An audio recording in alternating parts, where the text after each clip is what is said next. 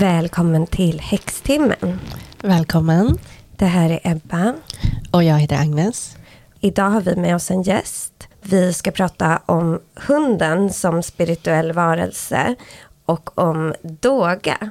Och det är med dig, Sara Miroglio. Mm, hej! Jag träffade ju Sara för en vecka sedan exakt och tränade Doga med Elfin, min hund. Och du driver Doga and Soul. Mm. Och du är diplomerad Doga-lärare. Och du har också jobbat med hund i över tio år och driver ett hunddagis. Precis, det gör jag. Så det är mycket hund. Och du utbildar dig även till holistisk återhämtningsterapeut för människor då. Och du har två egna hundar. Vill du, och en sak till, du är kräfta i både sol och ascendent och oxe i måne. Mm. Jag googlade faktiskt innan vi sågs vilka tecken som gillar hund mest. Och då kom både oxen och kräftan väldigt högt upp. Mm, det kan jag tänka mig. Ja. Mysigt. Hur hittade du Doga? Eller vad är Doga kan vi börja med att säga. Ja, eh, Doga handlar egentligen om relationen mellan hund och människa. Det handlar om att man vill komma åt hundens känsloliv genom att sätta dem i vissa positioner. Eh, man jobbar med eh, meditation för människan och lite yoga och sen så har man även massage och det är beröringsterapi och akupressur och sådär. Så att det handlar i stort sett om att istället för att man tränar bort någonting och symptombehandlar allting så försöker man se orsaken bakom orsaken. Så att man har en hund som kanske är lite reaktiv och gör utfall och så vidare så kan man använda vissa tekniker inom dogan för att nå in till hundens känsloliv och försöka ta reda på varför blir det så här. Så det handlar väldigt mycket om, ja, men om känslor och, och relation och tillit framförallt. Mm. Jag tycker det är väldigt fint. Jag har ju gått med Elfin på lite olika kurser och sådär genom åren.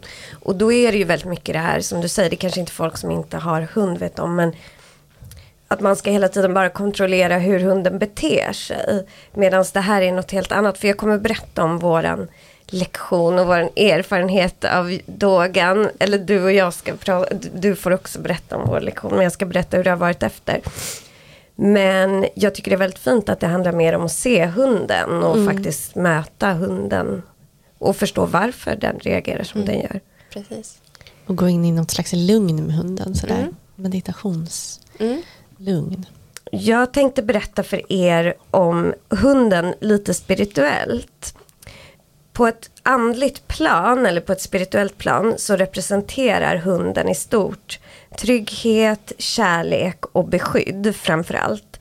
Sen är det många också som ser hunden som en så här att den har en direkt kontakt med anden i och med att den har så rena känslor. Alltså att hundar inte alls filtrerar sina känslor. Så att den är så direkt i sitt uttryck.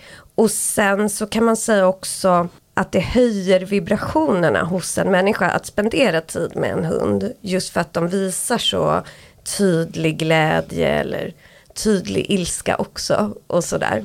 Men det är faktiskt också så att hunden är häxkonstens gudinna Hekates följeslagare. Hekate säger ju inte jag nu, uttalar ju inte jag rätt. Det är ju grekiska men jag kommer säga Hekate.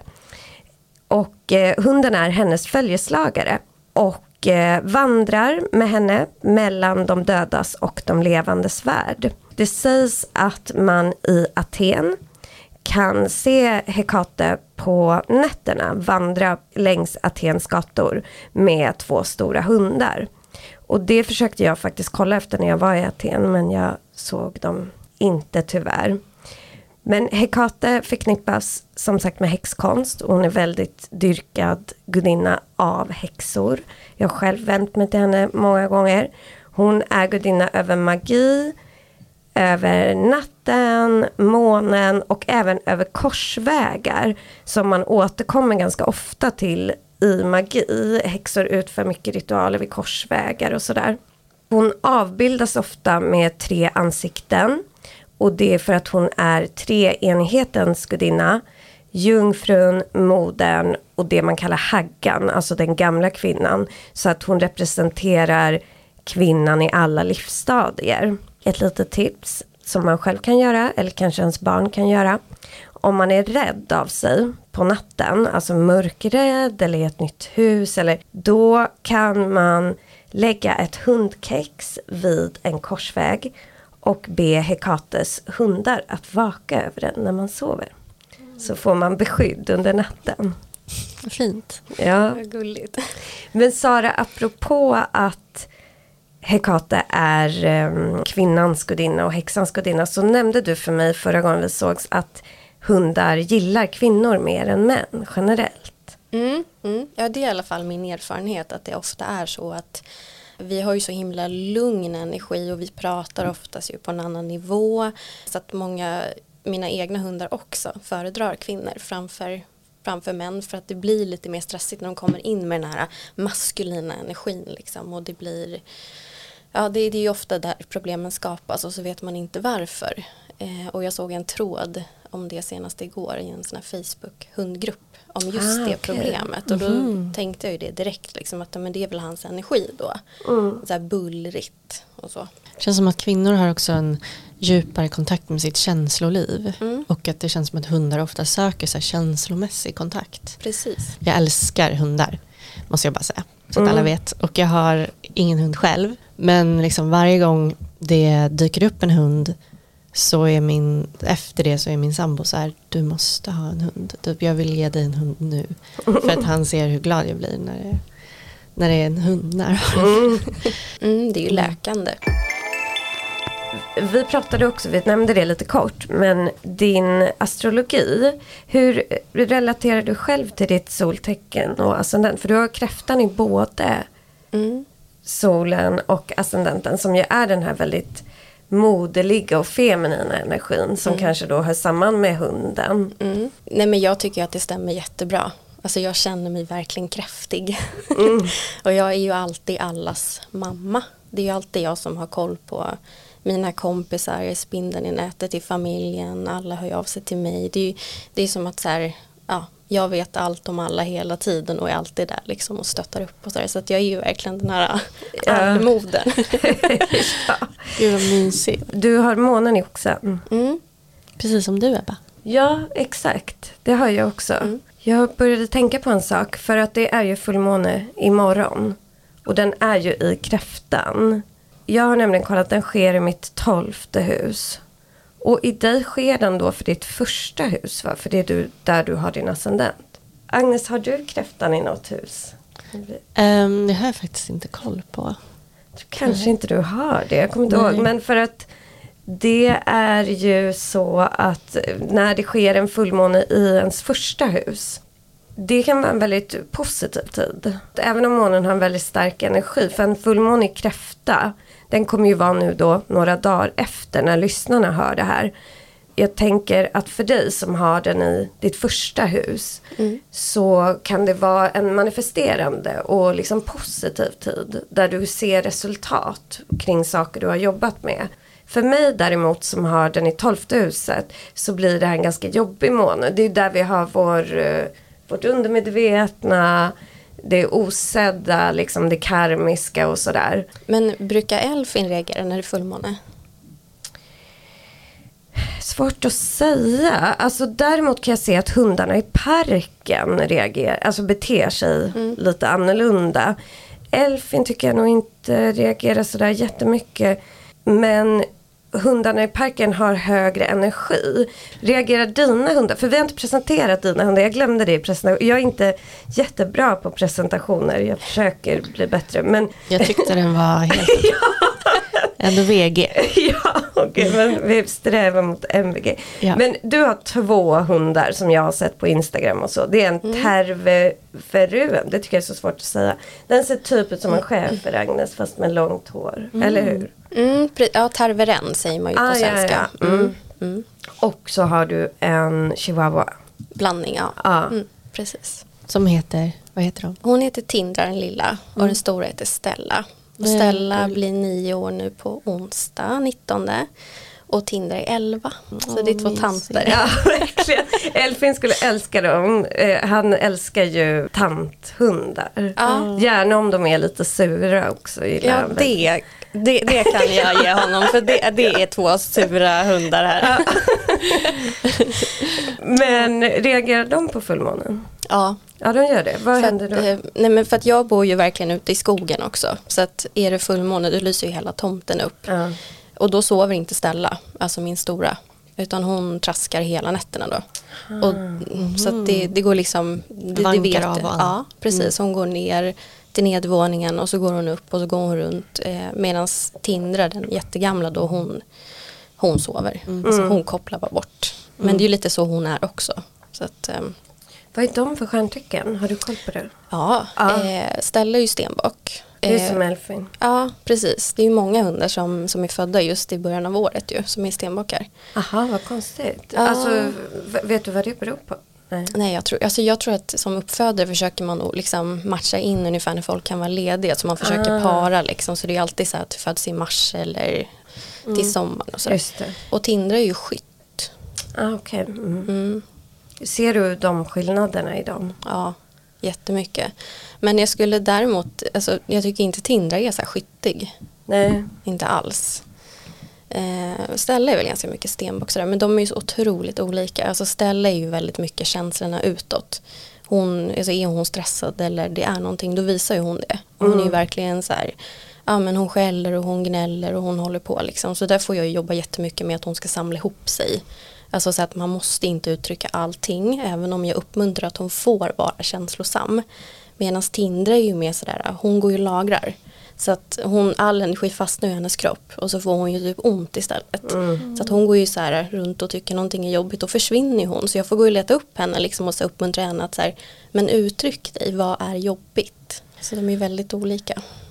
Jag hade ju en sån där som pratade med henne också, hon sa det är nog lite demens där också. Ja, Jaha, okej. ja hon är Ja. ju gammal nu. Precis, att hon kan ju liksom fastna på ställen i huset så tror hon att hon inte hittar tillbaka och så där. Men hur gör du med Tindra då när, hon, när du märker att nu har hon spänner hon sig och hållit inne så mycket? Ja, men det handlar ju väldigt mycket om att jag måste stanna upp framförallt. För vi springer ju ofta bara förbi våra hundar. Det är ju så här, vi, vi tycker ju att vi umgås med dem hela tiden, vilket jag ju också gör. Eftersom jag har mitt hunddagis hemma så blir det att jag jobbar ju 12 timmar om dagen och de är ju med. Men sen kan jag känna ibland så här att men jag har ju inte sett dem, utan de är bara där. Så att vi har ju en sån här grej att vi hämtar hem oss efter jobbet. Så att Stella kommer ju liksom och är så här, hon vill bara liksom ha en liten kram kanske sådär. Medan Tindra är mer så att hon går efter mig in i badrummet och sätter sig liksom sådär så att jag nästan snubblar på henne. Och så sätter hon sig och så vill hon bara att jag liksom lyfter upp henne en liten stund och sen är vi klara. Så det är ofta det jag får göra, att jag får liksom bara se henne ordentligt och kanske göra någon form av massage Eh, för att hon behöver ofta komma ner i kroppen. För hon fladdrar iväg, hon stänger av, hon flyr när saker är jobbigt för henne. Så stänger hon bara av och det kan jag ju känna igen med mig själv också. Jag tänkte vi ska prata lite om vårt Dogamöte.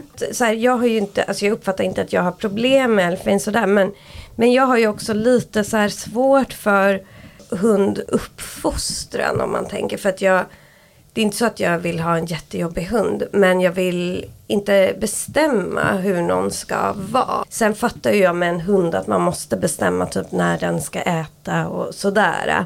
Men jag vill liksom inte bestämma över vad han ska vilja göra eller alltså sådana där saker. Men jo men sen har jag haft, alltså han har ju de problemen Elfin har är ju att han är väldigt känslig och att han blir ganska lätt stressad. Han är ju ljudkänslig och sen så har han ju någon form av separationsångest och Inte att han liksom sitter och skriker men jag kan lämna honom hemma själv men jag har haft problem när jag har lämnat bort honom och sova över hos andra. Då har han ju nu under hösten framförallt fått magproblem. Och då var det ju lite lustigt för att då hade ju, du var ju på en tarotläsning hos mig på Zoom. När han just hade magproblem. Så att den började med att jag var så här, ah, jag måste gå ut med min hund. Och då, så det var ju sån, liksom, då började vi prata. Men jo, så sågs ju vi på Dogan. Va, vad såg du i Elfin? För du får ju också lite så här kommunikation från hundar, eller hur? Mm. Ja men precis och det händer ju bara. Eh, och oftast när jag kopplar upp mig så får jag ju lite information. Men alltså jag skrattade ju så mycket åt honom för att han är ju så otroligt rolig. Mm. Eh, Mm, och eh, innan vi såg så fick jag ju upp, för det sa jag till dig tror jag liksom att det känns som att det är mycket kontrollbehov. Och han är väldigt stolt. Jag fick liksom upp nästan lite så här kungakrona på honom. Att han Mm. liksom, kung Elfin sitter där och är så här, jaha. Lite så. Så jag fick ju upp väldigt mycket så Ja. liksom. Och att han är väldigt, väldigt mån om dig. Mm. Eh, och att han, han är så här, ja men du kan slappna av för att jag håller koll. Så han låg ju hela tiden med liksom ansiktet mot dörren och var så här, nej men jag vet inte vad ni gör där borta men jag ska inte vara med. Mm. Så det tog ju en stund innan han faktiskt kom fram och sen satte han sig ju på min matta istället. Ja, Liksom så. Så att, eh, ja, nej men man märker att ni har en jätte, jättefin relation. Ja, vi är väldigt nära relation. Mm. Men det är också för vi, för han är ju inte på dagis eller så. Utan vi är ju med varandra hela tiden. Och den där relationen har ju, det tycker jag är intressant med en hund. För den har ju verkligen byggts upp. Och det där känns så olika också. Som med Vinne som jag nämnde.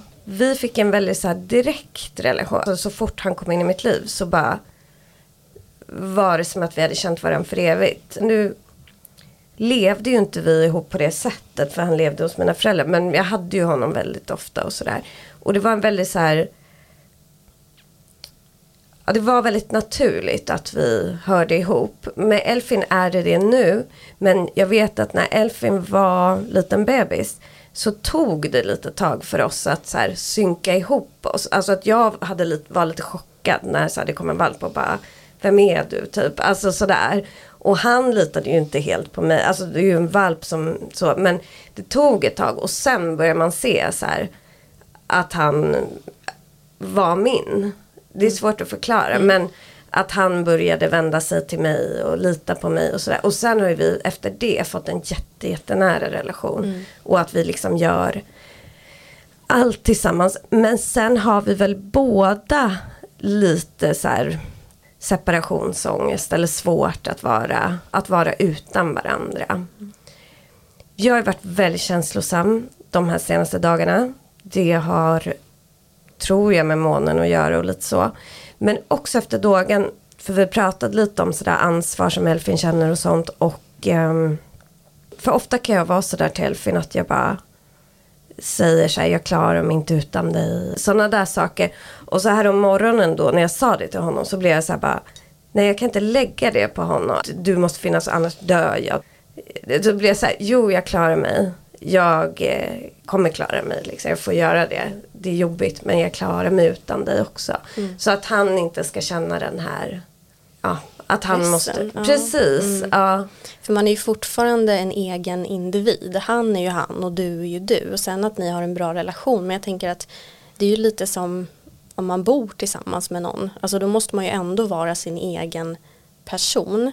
Och för att koppla tillbaka som du sa med dina föräldrars hundar. Så blir det ju så här om man har man till exempel ett, ja, men ett syskonbarn säger vi. Så kommer man dit ibland. Då har man ju en viss typ av relation. Så kanske man är jätterolig för man dyker bara upp ibland. Men det är skillnad att leva med någon hela tiden. Då måste man ju acceptera att det är inte alltid jättekul. Det är inte alltid bra dagar. Alla måste få vara som de är. Och jag tror att vi glömmer bort det lite grann. Och jag menar man får ju ingenting gratis. Och jag menar jag fick jobba för min relation med mina hundar också. Det tog jättemånga år innan Stella och jag hamnade där vi är nu. Alltså hon var fruktansvärd som valp. Jag var så här, vad har jag gjort? Och då har jag ändå så mycket erfarenhet och jag kände att så här, nej men jag connectar inte med henne. Eh, och nu är det så här, det, för mig är hon, hon är ju jag. Så att vi speglar oss i varandra hela tiden och det är ju därför jag blir så irriterad på henne. Gud, man ser sig själv. Mm. Ja, för du har ju jobbat med hundlydnad och sånt, eller hur? Det är att jag har hållit på med det. Ja. Eh, men jag har liksom aldrig riktigt varit intresserad av att utbilda mig inom att träna hund. För det, det är någonting, jag har varit på väg och sen har det alltid skett någonting som gör att jag inte kommer dit. Och nu har jag ju förstått att det är för att jag ska inte stå på en träningsplan och lära folk hur deras hundar går snyggt i koppel. Eh, det är inte min grej. Sen har jag den kunskapen med mig. Jag har jättemycket så här hundpsykologi, alltså i, med mig. Liksom jag förstår och jag kan säga till någon så här, du ska göra så här. Men det är inte att jag är utbildad inom det eller vill stå och lära ut det. Men det gör ju att det blir lättare för mig såklart i dogan också. Att jag kan ju ge lite extra tips och sådär. En sak som var intressant efter, för att nu har ju jag, efter vi gjorde yogapasset, eller doga, förlåt, så har jag och Elfin gjort doga nästan varje kväll. De övningarna vi fick. I början är han lite såhär, nej jag vill inte göra det här. Men sen så när vi börjar så tycker han att, eller jag upplever det som att han tycker det är väldigt mysigt. Men då har det också varit så att vi har varit så nära varann. För man gör olika övningar och då är det som att jag sätter Elfin i olika positioner som vi fick av dig, mm. Sara. Sen så sitter man och andas ihop och eh, håller, alltså känner in hundens andning och ja, lite mediterar. Och det var så mysigt så det har vi gjort under en ganska lång stund och då ligger han liksom och halvsover, eller sover, halvsover. Men det som var intressant var att efter det så kände jag som någon slags att vi har varit så nära varann så att det är också okej att gå iväg. För att jag kan få lite så här, jag gör det ju så det är inte så att jag undviker att göra saker. Men om jag bara ska gå och handla så kan jag bli lite så här, åh nej, måste jag gå från det Då efter dogapasset skulle jag gå och handla och då var det bara så här, ja fast nu har ju vi liksom haft vår stund, haft vår närhet så nu kan jag gå och handla en timme. Det var inget problem. Så det upplever jag som en ganska häftig grej. Mm. Och det är just där att då har ju du varit så närvarande. Eh, så att han känner att så här, men nu har han fått tillräcklig tid så att han är nöjd och du är nöjd och då har han liksom fyllt på ert konto med närhet och känslor och alltihopa och då är det lite så här, men då är det skönt att, att gå ut och, och göra någonting för sig själv utan dåligt samvete. För annars blir det ju bara att man släpper med sig hunden överallt i jobbet och till grannen och till föräldrarna bara för att man känner att så här, men jag måste umgås med hunden. Men om du då istället hade gjort någonting en timme med honom som faktiskt betydde någonting så kanske han hellre hade varit hemma än att följa med överallt. Liksom, för att ja. då har han fått, han har fått det han behöver. Precis, och det är det där jag tänker också mycket på med hund. För att det blir ju en typ av, jag vet inte om man säga andlig, men en övning att verkligen vara i nuet. Bara man är ute och går med en hund. Om man just lägger bort telefonen, kanske lägger bort hörlurarna. Sen kan man göra både och. Det pratade ju vi om när vi såg så att ibland måste man gå och prata i telefon eller sådär. Men det är också fint för man får, tar in omvärlden så mycket mer när man så är fokuserad på hunden och vad hunden gör. Mm, precis, och jag brukar ge det som tips också att bor man i stan då kan man ju sätta sig ner någonstans på en bänk eller bara stanna. Bor man på Kungsholmen där då kan man ju ställa sig ner vid vattnet till exempel och bara stå tillsammans och känna så att men det här är våra två minuter till exempel där vi bara är i någon sorts liksom gemenskap där hunden också känner att så här, men, men matte eller husse håller inte på med någonting annat, liksom inte står och stirrar på hunden såklart, men att den känner ju på ett liksom, energiplan att man är där. Eh, och jag då som bor i skogen, jag går ibland upp och sätter mig på någon stubbe bara när jag känner att så här, men nu behöver jag samla ihop mig med mina hundar. Och det lilla gör så otroligt mycket så det behöver inte vara så krångligt. Vi ska ju alltid krångla till allting. Mm. Ja. Så otroligt mycket och det, det, behöver, det är väldigt lätt. Alltså det, det är närvaro för hundarna är ju närvarande hela tiden. Ja, jag tycker ja. vi är skyldiga dem det också. Faktiskt. Precis och det här tycker jag är väldigt viktigt. För det är ju så otroligt många också som har skaffat hund under corona.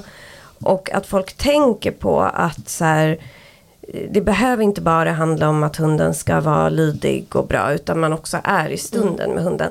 För en sak jag har sett där jag bor och där jag möter hundägare och så. Det är ju att hundägandet, kanske framförallt då när hunden är ung, men att det kan skapa väldigt mycket ångest. För att man känner att min hund skäller på andra eller min hund eh, drar i kopplet. Folk får väldigt mycket ångest av det. Mm. Det finns en jättestor ängslighet eh, just i hundägandet idag och jag försöker hela tiden lista ut vart kommer det här ifrån men jag tror att det blir så prestationsbaserade. Och det är ju det här som dogen inte handlar om. Det handlar inte om att man ska uppnå något specifikt eller att man presterar, inga krav och du håller ju inte på med godis. För att så fort du plockar in belöning då blir det ju att du tappar ju känslodelen. Och så går ju hunden och du in i eh, prestation. Och, och, då får du ju inte det här fina flowet. Jag tror att skulle fler som köper hund nu som har små hundar Alltså fokusera mindre på hur allting borde se ut och istället fokusera på vad känner jag när jag umgås med min hund så tror jag att det skulle, alltså mycket faller på plats. Och jag berättade ju det för dig Ebba, eh, när jag körde tävlingslydnad med Stella mycket. Och sen så fastnade vi. Och jag var så frustrerad för jag tyckte så här, nu har jag betalat de här dyra pengarna, jag går privat hos en jätteduktig tjej och det går inte. Stella vill inte och jag var så arg på henne för jag tyckte så här jäkla skithund. Alltså jag kände så här, nu har jag skaffat en brukshund, nu ska vi köra tävlingslydnad, liksom, nu är jag peppad. Så jag fick ju lägga ner. Och så tog jag upp det i somras nu bara så här, lite på kul på tomten. Och hon sätter ju allting. Därför att det var inga krav. Hon vill inte ha krav på sig. Mm. Hon tycker inte om när jag blir så här, går in i den här lydnadsrollen liksom med väst och godis och det blir liksom, jag blir ganska tråkig tror jag, jag blir stel. Mm. Och hon gillar inte det. Hon vill att jag ska vara lite så ja men vi, vi gör lite platsliggning här och det tycker hon är jättemysigt. Så hon läser ju av mig. Så hade jag haft den känslan in på, på tävlingsplan då kanske det hade gått jättebra. Ja. Men nu har vi kommit överens om att vi behöver inte göra det. Nej, det är ju jättefint. Mm. För det där märker man ju, hunden läser ju av en så mycket. Det där har jag märkt när jag träffar folk som jag inte tycker om. Eller kanske framför allt när jag träffar människor som får mig att känna, som vi pratade om, när man känner att de kanske inte tycker om hunden. Och man känner lite så här, åh nej, hoppas inte något ska hända nu eller den ska bete sig på något sätt och sådär. Då blir ju hunden alltid mycket värre. Mm. Då håller den på och skäller och så här det var ju en, jag kan inte säga det i podden, men det var en situation där en person brukar vara som inte gillar min hund så mycket. Och då blev det alltid jobbiga situationer runt det där. Och nu är den personen borta ur det och då är det helt annat, helt så lugn stämning och Elfin är helt lugn och sådär. Mm. Mm. Och det är ju ganska vanligt där och jag menar så har det varit hela mitt hunderi också. För mina föräldrar har ju alltid haft hund. Inte nu senaste åren men där har jag ofta känt ett krav på att så här, en jämförelse. För att mina hundar är ganska ljudliga speciellt när de kommer hem till oss. Och jag har ju alltid känt stress över det då ju. Att så här, men nu står pappa där och han tycker att så här, nej men eh, så där betedde sig inte min hund. Eh, de hade chefer då när jag växte upp. Men så vet jag också att på den tiden, jag föddes ju 87 då och det då såg man inte på hund på samma sätt som idag. Där skulle hunden vara tyst och den skulle vara snäll och jag vet att hon mådde nog inte jättebra egentligen. Um, så att, och då kände jag ofta att så här, jag blev stressad av mm. att han kom hem till mig för att mina hundar skällde. Och då kände ju mina hundar det och skällde ju ännu mer. Och, och till slut blir man ju arg. Och det tog jättelång tid när jag förstod att så här, nej men, liksom jag måste stå upp för dem istället och skapa rätt förutsättningar. Så att Stella tar ju liksom ett gosedjur eller en toffla eller någonting och så går hon runt och pratar för att hon måste ju få ut det. Jag kan ju inte tvinga henne att vara tyst. Också. Ja, precis. Men jag mm. undrar, är det rasen eller tror du att de är lika som individer? Elfin eh, De känns väldigt lika som individer, ja, ja precis. För hans, jag vet inte så mycket om den här tervuen. Men Elfins uppfödare födde ju också upp chefer. Mm. Och hon kallar ju Korg, för, eller Korg, inte hon utan Korgi kallas för minichefer. Mm. Jag känner inte någon chefer så jag har svårt att... Jag vet bara att Stellas mamma också var väldigt pratglad. Så jag tror att det har ju ärvts ner till henne liksom. Och då får jag ju göra det bästa av situationen. Såklart. Så att hon är ju jättelycklig när hon får gå runt och prata och det tycker jag det stör ju ingen. För man är ju så himla besatt av att så här ja, men, vad, vad, tycker folk nu? Tycker, nu tycker de att hon är jobbig. Mm. Eh, och jag jobbar med det hela tiden för att jag har ju så här problem med medberoende också så jag vill ju gärna plisa alla hela tiden. Så att jag får ju verkligen vara jättetydlig när någon klagar på dem att så här, ja men nu är du hemma hos mig. Ja. Så att det är bara så här, hon kommer lugna sig. Om du går in och struntar då i liksom att fokusera på hennes skällande och fokusera på liksom att ja, hon är lite gullig med sitt gosedjur, då släpper ju hon det där och sen är hon tyst. Eh, och Tindra har ju den här kontrollen, den lilla hunden. Hon går ju runt och gärna så här äh, man får inte gå in överallt och sådär. Och där får jag också så här, tala om för henne liksom att så här, men det, det är okej, okay. folk får komma hit. För hon blir, hon blir lite stressad, speciellt med åldern, att hon, ja, sinnena försämras och så vidare. Så att hon blir mm. lite sådär, vill, vill ha koll. Nej, men det är så roligt det där också med vilken anledning man skaffar en hund. Så här, ah, men du skulle ha en brukshund och sådär. För när jag var liten hade vi också en hund och den skaffade vi för att vi vill ha en vakthund. Det är också så här, äh, Jaha, oj. för att vi hade haft inbrott hemma och jag och Kalle var så oro, alltså min bror var så himla oroliga för det. Och då var mina föräldrar sa, ja men om vi, vi har ju alltid också såklart velat ha en hund, som det vill alla barn. Så bara skulle de hitta en bra vakthund. Och det var ju världens sämsta vakthund. Alltså han älskade ju alla människor. Mm. Och liksom, ja, och var också sådär ylade och skällde så fort han träffade en annan människa. Eh, och skulle typ, om det hade kommit inbrottstjuvar, då skulle han typ hälsat på dem och bara, gud vad kul att ni är här. ja. Och ja, det har nog inte varit så bra. Men han gav ju istället den här, äh, en annan typ av trygghet som liksom var den här känslomässiga istället, som nog var mycket viktigare. Mm. Ehm, att vi fick liksom en kompis och sådär. Istället för någon som gick runt och var vaktig och inte Mm. hade någon närhet typ. Nej men precis, och det där, Cesar Milan, det är ju en väldigt eh, kontroversiell person i hundvärlden och jag är inte så här för hans grej. Men han har en sak han sa som jag tyckte var rätt intressant, för han är ju lite så andlig eller liksom spiritual i sitt privatliv, jag vet inte om han är det i sitt hundliv. Men han sa saker som jag tyckte var klokt, att man får inte den hunden man vill ha, utan den hunden man behöver. Och det tycker jag ligger något i. Att det kan finnas, just man vill ha så här, jag vill ha, för jag var rätt mycket när jag skaffade Elfin tänkte jag nog så här, jag ska ha en hund som är väldigt duktig och liksom sådär.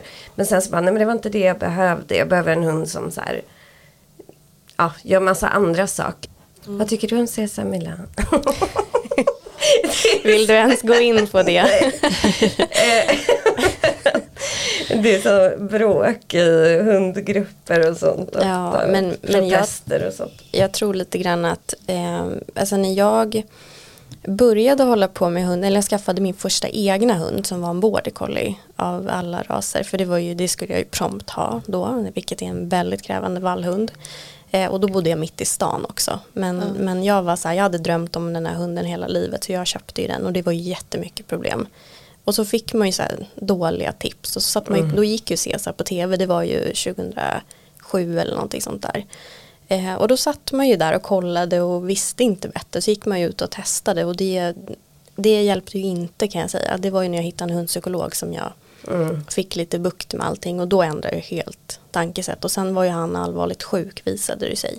Hunden. Ja precis, han hade Oj. Addisons sjukdom så att han var ju jätte, jättedålig så jag fick ta bort honom. Och då gick jag ju bräschen sen för anti-Cesar Ah, för att ja, ja. jag, Mm. jag insåg att det här är inte hållbart och nu tror jag att de flesta är ganska Ja, nu medvetna. känns det ju Ja. helt borta. Men jag har också en, en sak jag läste. Jag har inte upplevt det själv, men att husdjur som man har haft en väldigt nära kontakt med kan komma tillbaka som spirit guides. Är det någon av er som har känt av något sånt? Alltså att någon hund eller katt eller någonting har kommit tillbaka och i drömmar eller i att ni har sett dem efter? Mm, alltså jag, jag skaffade faktiskt en till hund eh, 2018 när jag inte mådde jättebra. För jag tänkte liksom jätteklantigt att så här, men om jag köper en till valp, en till terverendo så, så fokuserar jag på den istället för allting som är jobbigt, vilket jag absolut inte skulle ha gjort då. Men han, han och jag blev väldigt, väldigt nära på ett sätt som Stella och jag inte blev när hon var liten. Eh, och nu hade jag bara honom fram till han var ungefär ett år och sen hände det massa saker. Men eh, honom kom, alltså han kommer upp i perioder i drömmar. Eh, och han är alltid valp då. Och jag blir alltid lika ledsen när jag vaknar och inser så att nej men just det, han finns inte. För att det, det, det var någonting med honom. Sen kan jag inte säga att jag liksom har sett honom så, men jag känner att han är, han är där. Mm, han är närvarande. Ja, precis. För det där tycker jag är så himla fint. Jag blev jätteledsen i morse. Jag har ju varit, jag gråter ju typ aldrig. Men just de här dagarna runt fullmånen och så, så har jag blivit så här. Just när jag har läst någonting på Facebook om någon hund som har, det är ju alltid så här, "Du, min hund fick somna in. Då får jag så här bara, jag orkar inte. Alltså just de här dagarna bara. Men då började jag tänka på Vinne.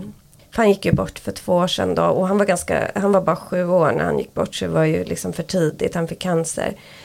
För jag tror jag också blockerar det för att jag inte orkar tänka på hur ledsen eller hur mycket jag saknar honom. Men så fick jag så här tanken bara tänk om jag skulle kunna få träffa honom igen. Men då tillät jag, jag mig att tänka den tanken att tänk om man skulle få ses igen. Men sen kunde jag liksom inte hålla kvar vid det. Men för i morse när jag funderade över det, det är möjligt att han är med mina föräldrar ju men inte med mig. Men det jag kände i morse var så för han är ju liksom inte här. Jag kan inte känna så här att jag kan vända mig till Vinne eller det vill man ju typ så här känna att min farmor kan jag lite känna så. Men det är möjligt att jag blockerar det för att jag tycker det är för smärtsamt. Men däremot har jag drömt om honom de tre senaste nätterna. Så det är kanske därför han har kommit upp att jag just har funderat kring det här. Så att eh, jag vet inte om han har något litet budskap till mig eller någonting nu. Ja. En, en mops, han var så himla söt. Jag kan höra min hund, alltså han blev jättegammal, han blev 15 någonting. Och då var jag typ 23 kanske. Och det är alltså över, det är väl typ 15 år sedan då som han dog eller något sånt där. Mm. Eh, inte riktigt, men jag kan fortfarande höra honom eh, hemma. Alltså att han går i, på golv. Alltså man hör ju hur hundarna kommer och, och så här, vilken hund det är också på ljudet av klorna mot golv. Liksom. Och ibland så är det verkligen som att jag hör honom gå runt eller så här, komma efter mig som man alltid gjorde när man gick in i köket. Eller när jag öppnar någonting som prasslar. Då är det också som att jag hör honom komma så här skuttandes. Så fort man tog i något som prasslade så kom han ju springandes för han trodde att det var något godis som han kunde få. Och det är faktiskt, det känns jättespeciellt. Att fortfarande så kan jag liksom höra honom hemma. Och jag bor inte ens på samma plats. Nej, det är väldigt häftigt. Mm. Ja, apropå det där att höra hundar så det här var väl kanske tre år sedan. Så var jag och Elfin och min kompis Josefin och hennes hund Siri på Häringe slott. Och det är ju ganska känt för att det spökar där. Och hon som bodde där för typ 50 år sedan eller om det är 100 år sedan, jag kommer inte ihåg. Hon var ju besatt av hundar så hon hade så här 35 hundar typ. Och de är begravda där utanför. Det finns som en hundkyrkogård där, alla hennes hundar. Då så sov jag och Jossan inte i själva slottet utan en liksom byggnad som är utanför ganska nära den här hundbegravningsplatsen. På natten, vi låg liksom dubbelsäng. Siri låg i sängen tror jag, Elfin låg nedanför. Och så släckte vi lampan och gick och la oss. Och så vi hörde hur hundarna höll på jättemycket krafsa så jag tände lampan och bara vad håller ni på med? Och då låg de båda helt stilla och sov. Och sen så, så släckte vi igen och så låg och så här skulle somna. Så hör jag hur Jossan bara, nej men hej Elfin, är du här? Och då tänder jag, då ligger Elfin bredvid mig. Nej.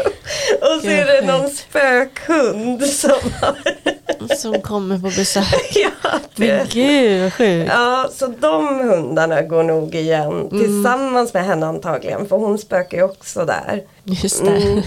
Mysigt ändå, de är tillsammans. Ja, apropå det ska jag, jag ska, måste läsa en liten som jag sparade till idag. Jag läste igår på Facebook i en av alla dessa fantastiska hundgrupper som man är med i på Facebook.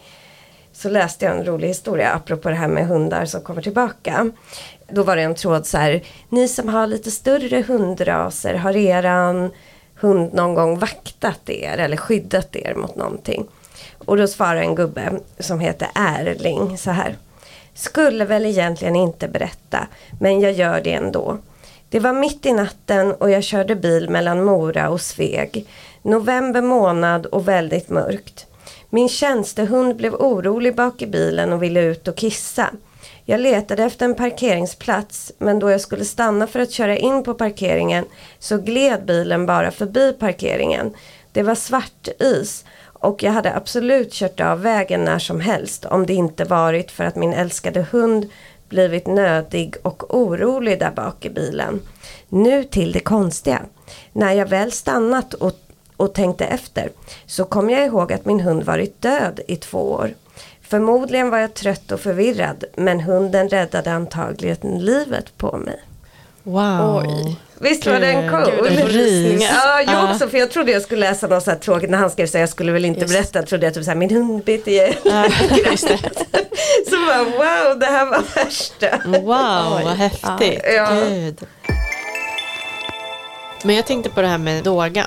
Kan du inte berätta hur det gick Jo, måste vi göra. Från start till slut typ. Jag var inte med. Nej precis, du var ju i covid. Ja. Ja men då sågs ju vi här på Lamb i yogasalen. Ja, vill du berätta lite Sara, hur det går, eller övningarna vi gjorde, typ? Mm, alltså för jag, när jag har privatlektion så plockar jag ju ut ungefär vad jag tror eh, passar och där går jag jättemycket på intuition, vad jag får till mig. Eh, har jag vanliga sådana här pass då, då får man ju mer, då sätter jag ihop ett pass som ska funka lite grann så allmänt. Eh, men jag satt ju kvällen innan och eh, satt ju där med alla mina kristaller och allting och bara satt och kände in och då, jag sa ju det till dig, jag fick ju så här lite ont i, i mina käkar och liksom jag blev också lite fnittrig, alltså så när jag satt och så satt jag med alla mina kort med olika övningar och så satt jag bara och plockade ut det som som jag fick till mig liksom. Och sen, sen hade jag ju sen innan vi hade pratat lite om, jag frågade så här, men är det, är det just det här med att han har mycket kontrollbehov och behöver släppa lite på det så är det ungefär där jag ska hålla mig. Då sa ju du också att så här, jo men det, det är det liksom. Mm. Um, nej men och då så började jag ju med, med dig. För det gör jag ju alltid. Uh, för att om vi ska försöka få våra hundar att, att kunna koppla av och, och faktiskt våga släppa på sina känslor då måste ju vi också vara i, i ett stadie där vi är närvarande och lugna för vi kan inte ha med oss en hel dag in i salen och förvänta oss att så här, men släpp nu hunden liksom, nu ska du vara jättelugn här, det funkar ju inte så.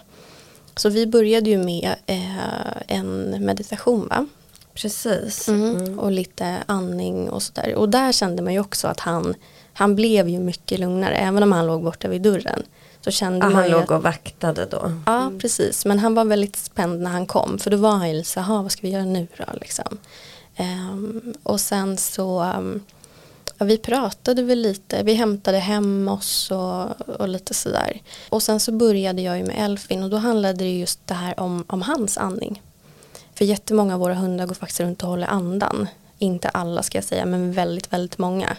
Och det är lite grann som att när stress sätter sig i kroppen på oss så, så andas vi inte ordentligt vilket gör att vi syresätter oss inte. Eh, och det är samma sak med våra hundar. Så vi började ju med diafragmastimulering. Mm, det är en väldigt häftig övning. Ja, precis. Och där ser man ju ett resultat direkt. Att hunden, liksom, man tvingar hunden att, att släppa på andningen. Så man brukar liksom höra nästan hur de så här, de mm, andas han ut. gör så. Mm. För första gången vi gjorde det var han ju så, vad gör du? För Ja. man släpper så här Mm, händerna mm. plötsligt. Men nu tror jag han tycker den där är ganska skön. Mm. Han liksom reagerar inte när jag, alltså att sådär att han kollar på mig. Men han drar efter andan typ Mm. när jag släpper. Mm, precis, och jag sa ju det till dig, försök göra det kanske varje dag. I alla fall om du ska plocka någon så ta den.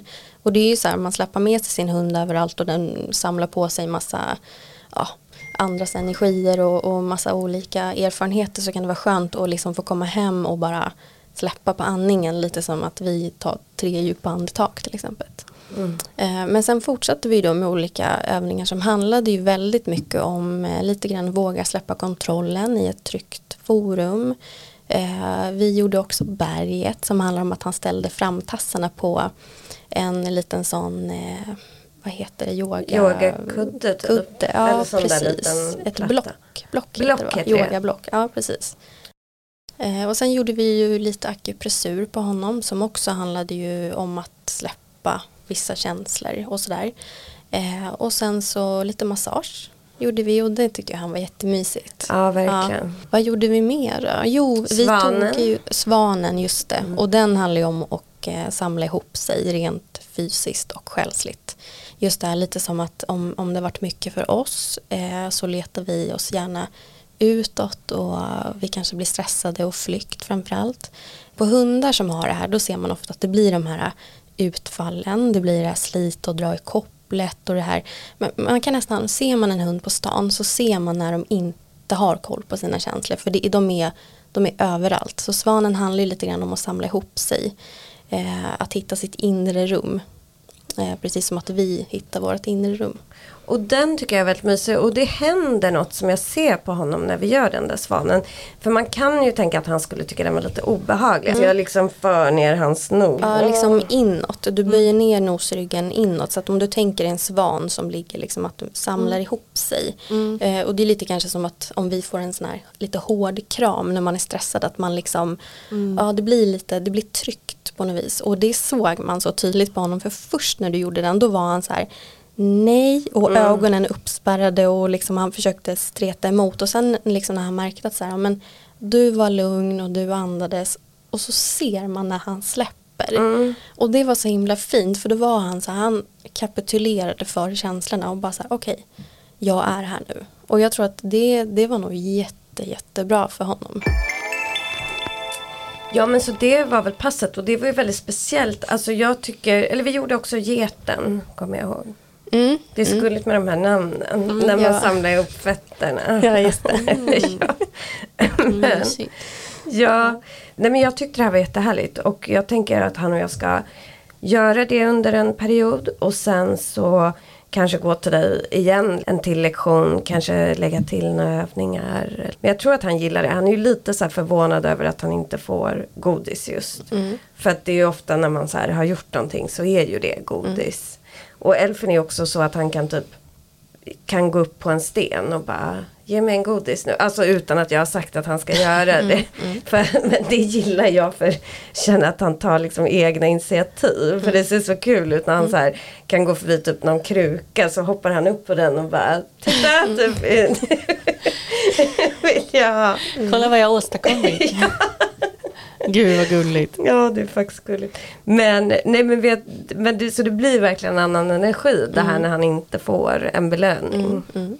Och jag skulle rekommendera väldigt många hundägare att gå på det här just för att få en lite annan syn. För att som vi var inne på det här med prestationssamhället och så. Så mycket i vårt samhälle är ju uppbyggt kring det. Och jag tycker så synd om hela hundrelationen ska vara uppbyggd på det också. Att man ska ha en perfekt hund. Jag, jag tycker inte det är poängen med att ha djur. Att de ska vara Nej. små människorobotar. Mm. Allt jag minns, alltså som jag tyckte mest om min hund var ju det som kanske någon skulle försökt eh, träna bort. Eh, för att han skulle ha uppfört sig bättre. Och just också den där um, grejen med så här hundar som är lite så här äh, pajaser, alltså lite roliga. Ska spela Allan och sånt. Det tycker jag är så himla mysigt. Ja, och jag tänker det är ju hundar som får faktiskt vara som de är. För de är ju olika personligheter, precis som vi. Men just det här som du pratar om med prestation.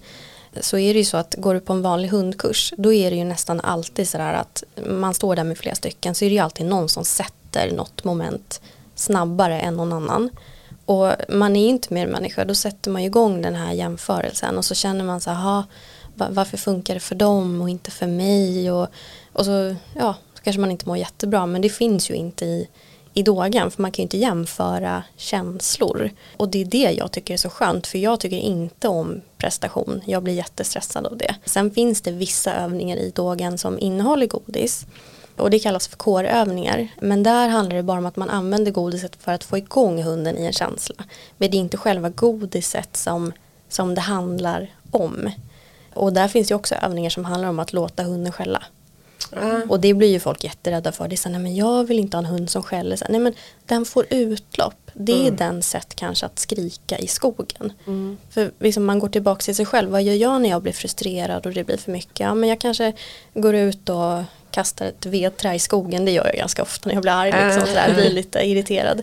Men då kan jag inte kräva att mina hundar alltid ska vara så här Ja. tysta och snälla. För de känner ju också frustration Ja. över saker som händer. Men hur ser du på hund spirituellt Sara? Ja, alltså jag ser nog hundar som våra guider. Som mina hundar då, de speglar ju i stort sett hur jag är, speciellt min stora hund Stella. Och innan jag förstod det så, så förstod jag nog inte riktigt hennes roll i mitt liv. Jag trodde bara att det var en, var en utmaning tills jag insåg att så här, men hon guidar ju mig hela tiden. Hon tvingar ju mig att vara närvarande, att stanna upp och också när hon beter sig på ett visst sätt så kan jag ju hela, då kan jag ju stanna upp och tänka så här, men vänta hur känner jag mig just nu? Och då har ju min stress eller min ångest eller min irritation som speglat sig i henne. Så hon är ju som min spegel. Och då blir hon ju också som min guide för att hon guidar ju mig hela tiden genom, genom livet. Så jag ser nog på hundar som, som våra spirituella guider lite så. Ja, fint. Tänker du något där Agnes? Ja, men jag, jag håller med. Jag, eller det jag tänkte på nu var ju också att så fort jag, så fort jag träffar en hund så blir jag så himla glad. Mm. Och typ, ehm, jag kommer också ihåg hur det är att ha hund, att man är så här, man ehm, har någonting att ösa ut så här sin glädje på. eh, lite grann. Till exempel om man kommer hem och den kommer och hälsar och man är så här, men hej, och liksom verkligen så, kanske lägger sig på golvet med hunden eller något. Eh, det skulle man inte göra annars tror jag. Nej. Alltså, Nej, inte. man beter sig inte så mot andra människor. Nej, man Nej. kanske inte springer till sin sambo när man kommer hem och bara hej. Precis, och bara kliar på den över hela kroppen. Nej. Eh, och så slickar den den i ansiktet. Så Ja. är det inte riktigt. Nej. Men, men att få göra så liksom med, att det, det, det gör ju såklart någonting med en. Liksom. Mm, mm, Och att när man, man ligger i soffan eller sängen så kommer någon och lägger sig där och Mm. så här, vill bara ligga bredvid. Och så där.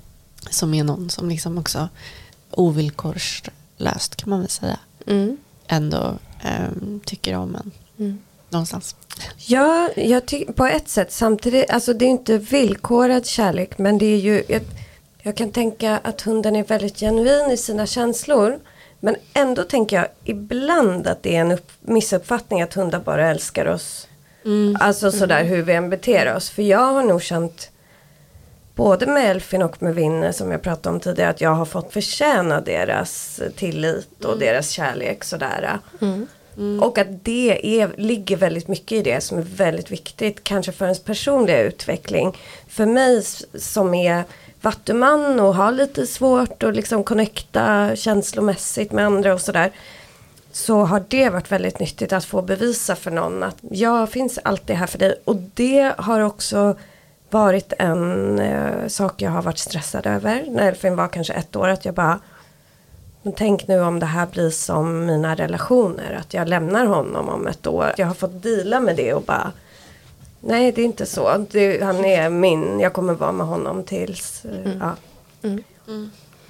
Och det är väl där också det brister många gånger som du säger att man måste ju förtjäna också sin hunds kärlek även om de eh, är väldigt ofiltrerade och är så här, de, de känner glädje, de känner det här men, eh, men vi kan ju inte förvänta oss att vi kan bete oss hur som helst och sen att de bara ska köpa det. Och det är där jag tror att många får problem också. Att det är så här, men vadå? Jag gör allt för dig, varför kan du inte bara tycka om mig hela tiden? Men jag märker ju Stella, min stora hund, hon, hon skadade sig för ett tag sedan så hon har inte sovit så bra. Eh, vilket gör att hon har varit uppe och trippat på nätterna och, och jag blir väldigt grinig när jag inte får, får sova för att jag jobbar så långa dagar och sådär. Och då märkte jag någon natt när jag bara var så här, jag var på så dåligt humör. Och då tappar ju vi allting och då vill inte hon vara nära mig för att hon tycker bara att jag är obehaglig. Att jag blev irriterad. Och sen får man ju dåligt samvete då för att man blev irriterad för hon har ju bara ont. Men samtidigt så, så måste jag också få känna vad jag känner och då accepterar ju hon det men vi liksom håller oss lite ifrån varandra. Så man måste ju hitta den här balansen att, så här, att man får vara sig själv helt enkelt. Ja för det där är också en grej. För jag kan ju vara med Elfin lite så här rätt klängig på honom. Och han kan bli irriterad på mig då. Och då, då brukar jag skoja lite sådär. Nej men jaha. Alltså gå iväg så här. Men ja, det är också någonting i det. Att jag måste tycka det är okej. Att han tycker att det är för mycket när jag ska kramas hela tiden. Eller sådär. Och det är också en missuppfattning att man tänker att en hund alltid ska vara tillgänglig. Eh, att det är så här, men vadå nu vill jag pussa på dig så här, men, men den kanske ligger och gör någonting annat eller ligger och sover. Den kanske inte vill att man är nära och då kan man ju inte heller bli kränkt av det eller bli arg på sig för vissa blir ju arga då. Så här, men du får inte reagera på det här. Eh, jag ska få klappa på dig när du vill eller liksom jag ska få kolla på dina tassar eller eh, peta på dig överallt utan att ta hänsyn till så här, men det blir ju ett övergrepp om någon bara ger sig på en utan att, att faktiskt be om lov. Lite Ja så. precis. Ja. Ja. Men också Sara, hur ser din andlighet överlag ut? Nu har vi ju pratat egentligen bara kopplat till hund. Men har du någon spirituell praktik överlag som du ägnar dig åt? Alltså jag tar det lite som det kommer. För att jag är väldigt duktig annars på att bli inrutad i att jag måste göra det här och det här och det här. Så att jag är så här, jag yogar när jag känner för det. Jag mediterar när jag behöver. Sen håller jag på väldigt mycket med kristaller och sådär. Och jag känner in väldigt mycket. Jag får ju till mig väldigt mycket saker innan, innan det händer. Jag drömmer väldigt mycket saker som sen händer. Jag kan känna av mina, mina kompisar hur de mår om jag behöver höra av mig. Och jag och min bror har ju ett jätte, en jättetajt relation. Eh, och där kan ju vi känna av liksom att så, men nu ringer han. Och då kan jag redan ha satt in luren i, i örat eller jag kan känna av om han har ont någonstans eller sådär. Så att det, det är väldigt så här otvunget. Så att jag, liksom, jag kan inte säga att jag gör någon praktik så utan det är saker bara, det bara kommer Mm. hela tiden. Men jag är ju väldigt känslig.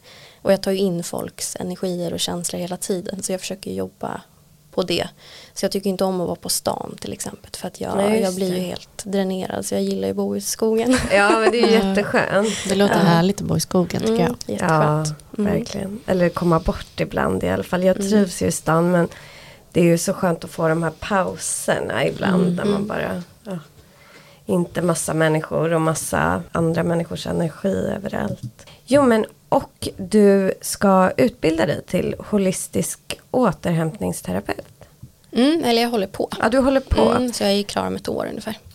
Vad är det då? Ja men det handlar ju om att man eh, ska kunna hjälpa människor då som är utbrända helt enkelt. Eller som, ja, som inte mår bra. Och i och med att den är holistisk så, så blir det ju inte så enkelspåret utan då handlar det ju också om så här, men man pratar om kosten, man pratar om, eh, det är jättemycket meditation och yoga och sådär så att det är liksom en helhet. Och nu ska jag utbilda mig till yogalärare i, nu i mars också i restorative yoga och det handlar ju också om återhämtning. För jag tänker att då mitt koncept kommer bli att kunna hjälpa människa, hund och läka. Och, och är man till exempel då utbränd och så kanske man har en hund och inte kanske jättepeppad på att sitta i terapistolen då kan man ju kanske ta med sin hund och så kan man ju gå ut och gå en, en yogapromenad i skogen. För att just att slippa allt fokus på en själv men samtidigt få läkningen från naturen och kunna meditera. Alltså det blir väldigt otvunget för jag tycker inte själv om att bli påtvingad hjälp. Så, så att jag tänker att det, det, blir, det blir ett sätt att läka som, som kan vara lite, lite skönt. Det låter ju Ja, jättehärligt. verkligen. Det låter jättefint. Mm. Jo men en fråga också. Du pratar lite med djur. Det kommer ord typ. Vi har ju varit inne lite på det. Mm. Men hur började det? Det var faktiskt i, eh, i och med dogan. För jag tror jag har alltid varit väldigt spirituell men jag har liksom stängt av det. Och senaste åren så har jag letat mig väldigt mycket just till ja, men så här healers och medium och du vet bara försöker få hjälp på något sätt. Men sen så märkte jag på mina dogakurser att jag helt plötsligt bara kände massa saker. Så började jag titta på en specifik hund och kände lite vad den känner. Så att jag får liksom inga ord och så men jag får liksom upp så här att oh det där var obehagligt och då kunde jag förmedla så här säga någonting bara för att se om ägaren reagerar och då när jag märkte att ägaren blev så här ah, hur vet du det? Eller liksom så, ah, men så, så fick jag bara till mig och kunde bara sitta och prata så här. Ah, men när ni går ut och det händer här och då gör du så här och det tycker inte han om. Eller liksom så här. Eh, och jag gjorde det bara utan att det bara kom. Så det håller jag på att försöka jobba vidare på. Det är inte så att jag är djurkommunikatör utan jag använder det ja, men som i dogan och lite på mina dagishundar försöker förmedla ibland vissa saker som hundarna kanske liksom går och bär på och sådär. Så jag försöker liksom inte göra det till, um, till någon sån här, ja men jag måste ha en utbildning i det Nej. utan det, det bara kommer och så får det vara, vara vad det är men det är jättekul. Men vi kanske ska börja wrap up. Men hur har ni det? Merkurius retrograd började ju i fredags. Har ni känt av det någonting? Ja, du har strömavbrott hemma. Ja, precis. Jag har, jag har strömavbrott och ja, i morse så var jag har min farmor som är hos mig lite då och då, alltså hon lever inte då. Och hon satte igång en timer på min spis i morse. Ja, det är sant. ja. ja, så det är lite sånt där och sen märker jag också att jag är väldigt känslosam och börjar gräva lite i, i saker som jag inte ska vara i och sådär. Men då får jag påminna, påminna mig själv. Jag är också nog väldigt känslosam. Har också råkat vid två tillfällen köpa sån Arlanda passagebiljett till, istället för en vanlig biljett i. SL-appen. Om man trycker,